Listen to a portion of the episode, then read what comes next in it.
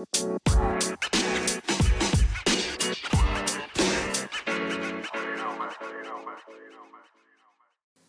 točno se je zgodilo pred letom in pol? Um, Marko je šel v bistvu na snemanje, ker ni bilo niti toliko povezano z bordanjem. Uh, šlo je v bistvu za snemanje ene reklame in pač prejmo čist takem brezveznem, no, um, se ne vem, kako te, temu reči. Pač šel je v bistvu zadnjo furo no, po smočišču, hotel je posneči par lušnih kadrov, čistko lepotnih z bordom in je zapeljal čez eno skalo, ki je bila pokrita s snegom in ga je v bistvu čez prekucnil v skalo, ki je bila pod to skalo um, in je pač več smole, kot česar koli, no, udaril v bistvu z levim delom hrbtom v tisto skalo, tako da je mu raznesla urto. No. Tako da mhm. je um, izkrvavel v bistvu. In ja, je pač šel na snemanje in ni nikoli prišel domov. In ta, ta zgodba je prišla, mislim, na en dan kasneje ven, ampak ti ja. si to valjda zvedla prej, visoko noseča, tik pred uh, rojstvom tretjega otroka. Kako mislim, da je to grozno vprašanje. Ampak kako se, kako se sploh v tistem trenutku držiš, kako, kako to sploh obvladaš na čustveni ravni? Na...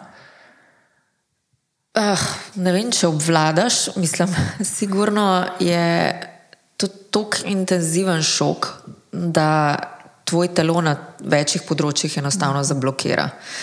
Jaz mislim, da Tudi um, nekaj časa nazaj sem bila na policijski akademiji, ki se mi je zdelo ful lepo, da policaje v bistvu izobražujejo o tem, kako predaja take novice.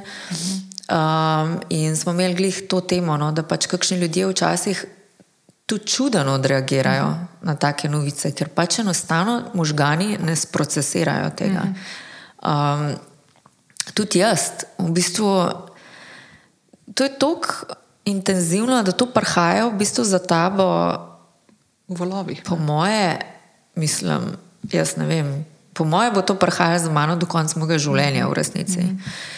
Ker jaz sem še zmeraj v fazi šoka, še zmeraj doskrat moram prav, spok zjutraj, kdaj se zbudim, prav premisliti, ok, se to res dogaja, a se to res zgodil.